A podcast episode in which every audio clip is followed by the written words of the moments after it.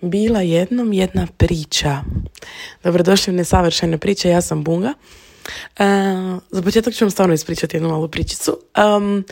ja na Instagramu U kome prati e, pišem e, svaki dan, dala sam si zadatak 365 dana da ću pisati tekstove nekakve vezane za taj dan, nekad bude jedna rečenica, nekad bude cijeli esej. Um, uglavnom i tako nekad bude vrlo konkretno, nekad bude tak malo metaforički.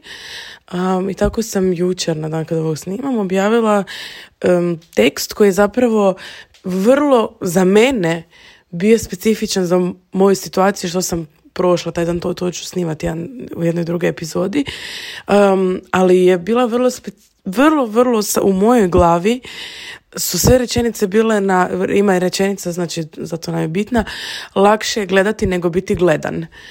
Eh, ja sam to apsolutno razmišljala samo u svom kontekstu, u, smislu lakše je biti profesor nego raditi ono što ti profesor govori, lakše je isto tako i u, kazalištu biti uh, eh, ajmo reći neka vrsta učitelja, režiser nego biti onaj na sceni eh, ili u smislu učenja pjevanja lakše je biti profesor pjevanja, davati upute gledati nego raditi. Cijeli post je bio u tom smislu i meni je ta rečenica lakše bi gledati ili biti gledan bio isključivo i samo u tom kontekstu u mojoj glavi. Lakše je ono sjediti na pozornici i gledati nekog na pozornici nego biti na pozornici i biti gledan. Um, da bi ujutro, kad sad kad sam se probudila, vidim da je jedna moja draga, draga prijateljica i to je isto priča za sebe, za, isto za podcast. Uh, uglavnom podijelila to, ona, ona neću reći bori svoj bitko, ona ih ne bori, ali trenutno je u jednoj situaciji, nebitno, i... na, i uzela je taj post i napisala u kontekstu posta koji je ona napisala prije isto da jučer, ne znam kada, on nije u Hrvatskoj, nebitno, um, i napisala upravo tako, lakše gledati nego biti gledan. U jednom potpuno drugačijem kontekstu i potpuno se slaže taj njen kontekst sa tomom rečenicom, ali je poanta da ja nisam imala tu namjeru. Zašto vam to pričam? Jer često kad jelimo priče u bilo kojem smislu, od marketinga, prodaje bilo čega, do kazališta, do ovako kad zaista ako pišete neku priču ili želite nekog motivirati ili nešto, uvijek mislimo da ne možemo ići iz osobnog, nego da moramo ići iz generalnog, da se to mora ticati što više ljudi i onda se trudimo, isto tako i predstave onda budu full nekak generalne, bave se nekom temom na 1500 različitih načina da bi se dotakli svakoga, da bi, kao da ne bi išli preosobno, nego da bude generalno, da se, ono, da sve više ljudi razumije, da se, i onda to nekad ispadne um, ili pretenciozno ili potpuno nejasno, potpuno nejasno ili ne dotakne nikoga.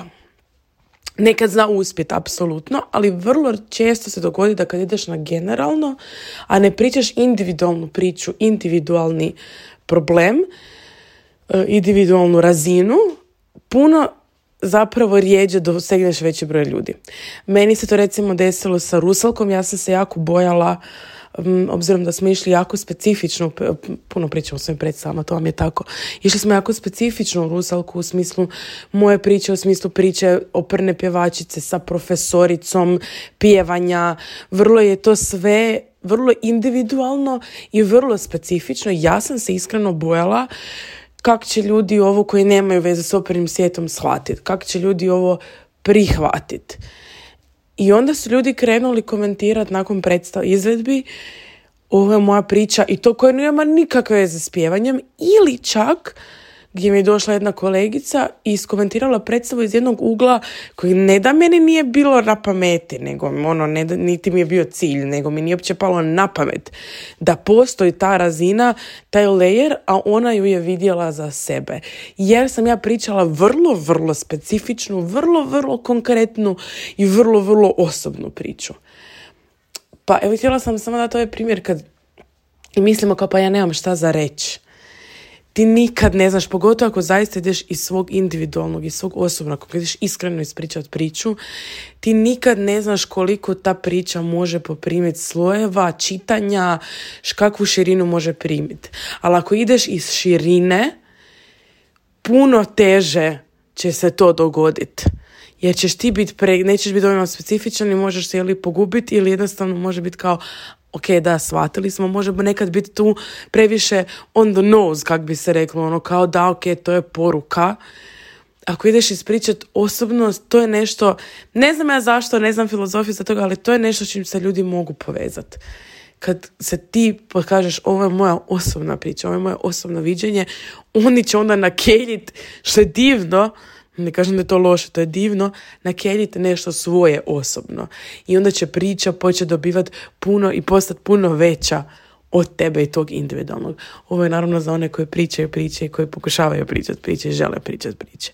Ali čak i u našem malom osobnom krugu što se desi kad se usudiš sa nekim svojim bliskim podijeliti podijelit, posudit, podijelit nešto zaista osobno, ne pričat pričicu generalno, nego ovo sam ja i ovo je moja priča i događa se i konekcija na jednom puno dubljem, intimnijem, uh, intimnoj razini nego kad se držimo nekih generalnih priča i uvijek Pogotovo ako se uzvodimo biti ranjivi, ne nekad se samo držimo nekih površnih vanjskih priča.